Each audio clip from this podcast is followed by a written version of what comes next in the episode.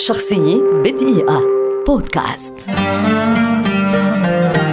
ياسر عبد اللطيف ممثل ومخرج تلفزيوني ومسرحي سوداني ولد عام 1970 ويعد واحدا من أبرز وجوه المسرح والدراما في العالم العربي.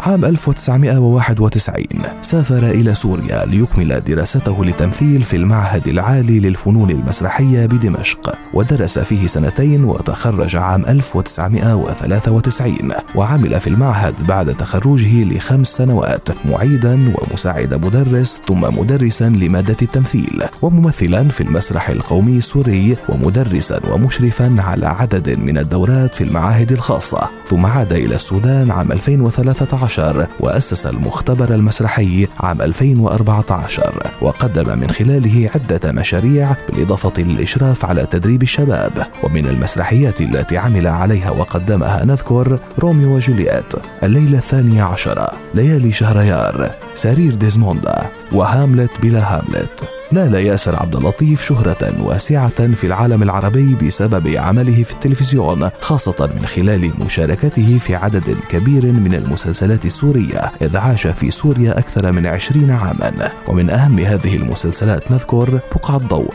ذكريات الزمن القادم حكايا المرايا أزير سالم والعوسج.